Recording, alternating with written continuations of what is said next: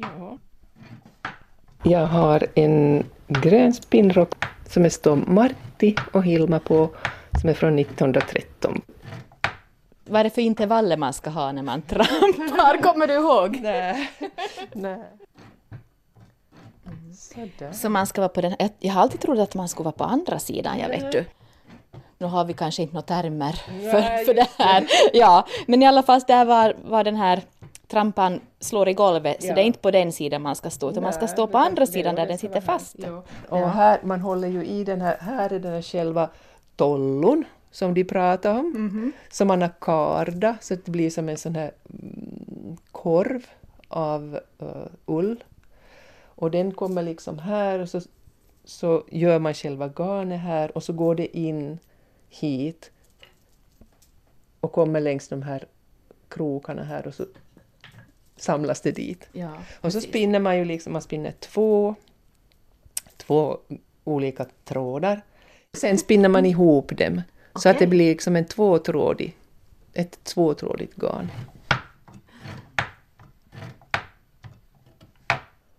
Storyn bakom den här är ju uh, egentligen ganska lång och den börjar med min utbrändhet men faktum är att jag har ju någon gång i tiden har jag kunnat spinna. Och, och jag kom in på det här på nytt via, egentligen via mina barnbarn. Då vi var på sportlovet i Brage och där satt tre kvinnor och, och spann. Och jag blev kvar där och såg på de där damerna och tänkte mm, barnman kom och rev och slet i mig och ville att jag skulle komma. Så gick jag ut med dem och så hittade jag mig själv där inne igen efter ett tag och så såg jag att man vill, fick testa. Och så testade jag och det blev korv och ingenting av alltihop. Alltså, det är nog inte så där riktigt lätt, men jag antar att jag har det i mig någonstans eftersom jag har kunnat spinna. Jag har spunnit våra kollihundars hår i tiderna då när jag gick i Kvävlax hemslöjdsskola, så jag, jag borde nog finnas någonstans, men det krävs lite träning tror jag. Mm. Nå, efter det här då på, på Brages friluftsmuseum så då bestämde du dig för att du vill ha en egen spinnrock. Ja, det här handlar ju helt bara om intuition egentligen för att jag bara tänkte att, att det här... För att gå tillbaks igen till det här med min utbrändhet så handlar det mycket om att få ett eget rum. Visserligen har jag det från förr men, men då jag glömde så bort hur roligt det var att jobba med händerna under den här tiden, åren före jag blev sjuk och, och sen efter så orkar jag inte. Jag, men nu har jag som börjat komma tillbaks till det och jag tänker mig att, att jag bara vill spinna, inte nödvändigtvis det att vad jag ska göra med, med som jag spinner garnet, utan jag vill bara, jag vill bara göra det här hantverket, jag vill kunna det här hantverket och, och få insikt i det mer än vad jag har haft förut. Och jag hörde faktiskt äh, att det finns ett, jag har inte vetat om det heller, ett sånt här hantverksgille på Ståndars.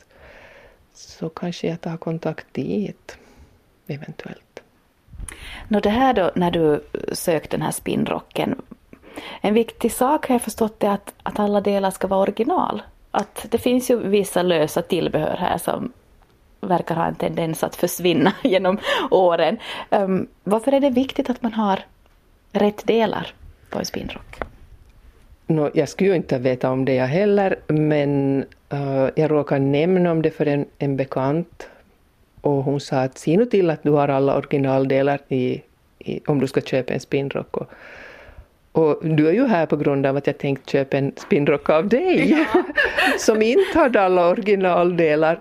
Så uh, det går inte att spinna med en spinnrock om inte den har till exempel vad den här härveln heter här, nu vet jag inte, men, men det här, om inte den är original och hör ihop, alltså med själva spinnrocken, så då, då går det inte, då funkar inte de ihop. Nå, min spinnrock hade just bort de här delarna. eh, Eller hade från fel från någon annan spinnrock. Men hur hittade du den här gröna skönheten sist och slutligen? Nå, alltså, på samma sätt som jag fick kontakt med dig då och via Facebook.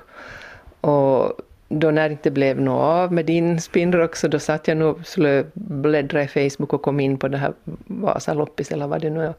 Var det några en och två bilder och så hade jag den här skönheten på bilder och, och jag satt, hon hade just precis satt in den dit. Så på det sättet blev den min.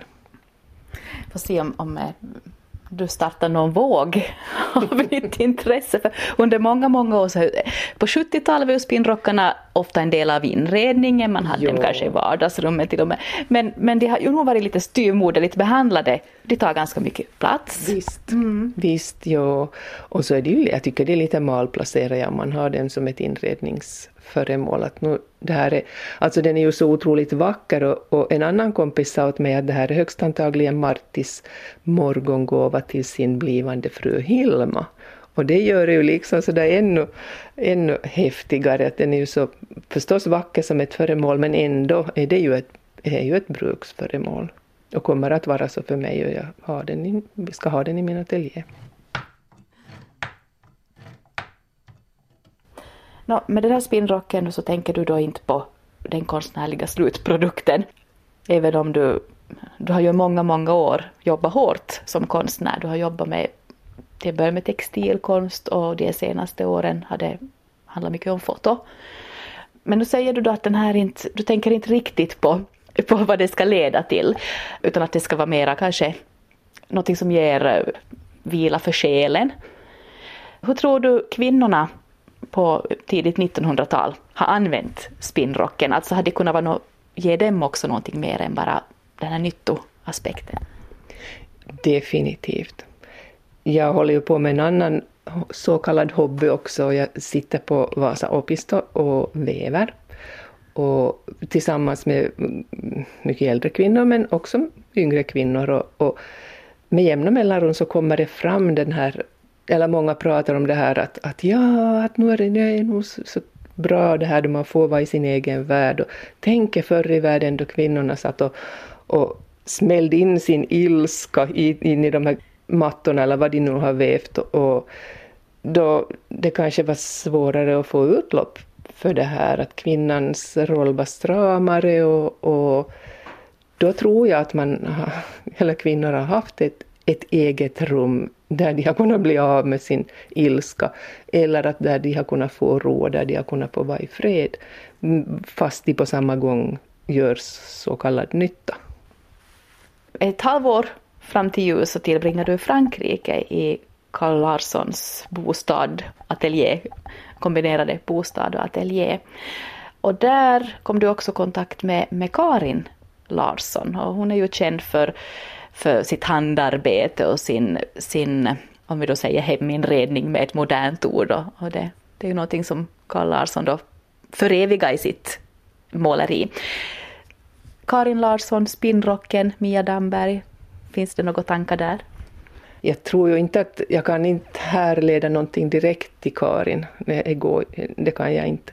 Men det kan ju nog hända att hon har bäddat för att då när jag var i Frankrike så läste jag ju jättemycket. Det första jag gjorde så läste jag den här boken som heter Karin.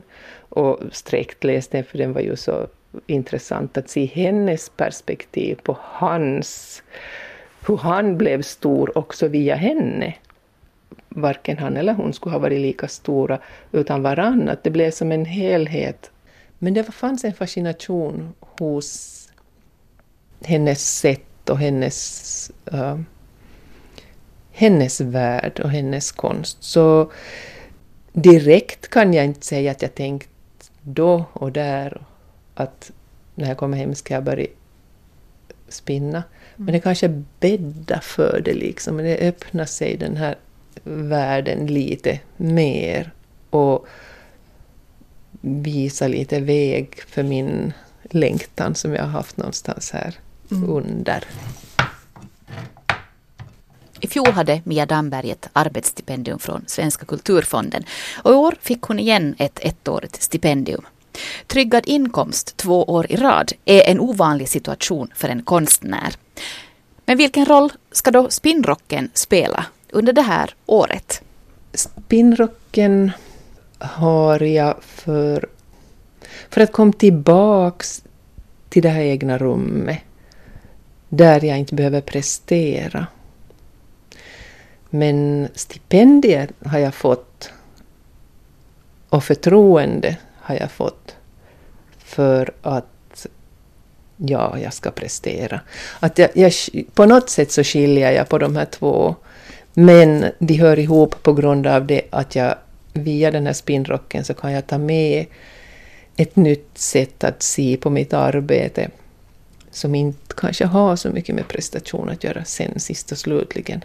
Mm. Men jag har ju en uh, någon sorts skyldighet, det är ju klart att jag har det, för att de litar på mig på Svenska kulturfonden. Det är ju klart att jag vill, jag vill prestera och jag vill visa att jag är värd stipendiet, men inte med uh, risk för min hälsa.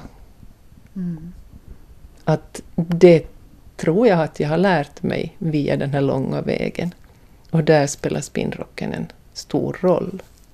Inte skulle jag ha annars för tre eller fyra år sedan tänkt, tänkt mig att jag sätter mig ner och spinner, utan jag skulle ha tänkt att ja, jag sätter mig ner och spinner och så får jag det här garnet. Ja, det kan jag nog använda i mitt arbete. Vad ska jag göra med det där garnet? Hur ska jag liksom använda det i mitt arbete? Mm. Så då skulle det här vara det viktiga? Ja. Mm. Att nu är själva spinnande bara det där viktiga, att få det där egna rummet och vara där och inte liksom tänka att det blir en slutprodukt som jag kan använda i mitt arbete.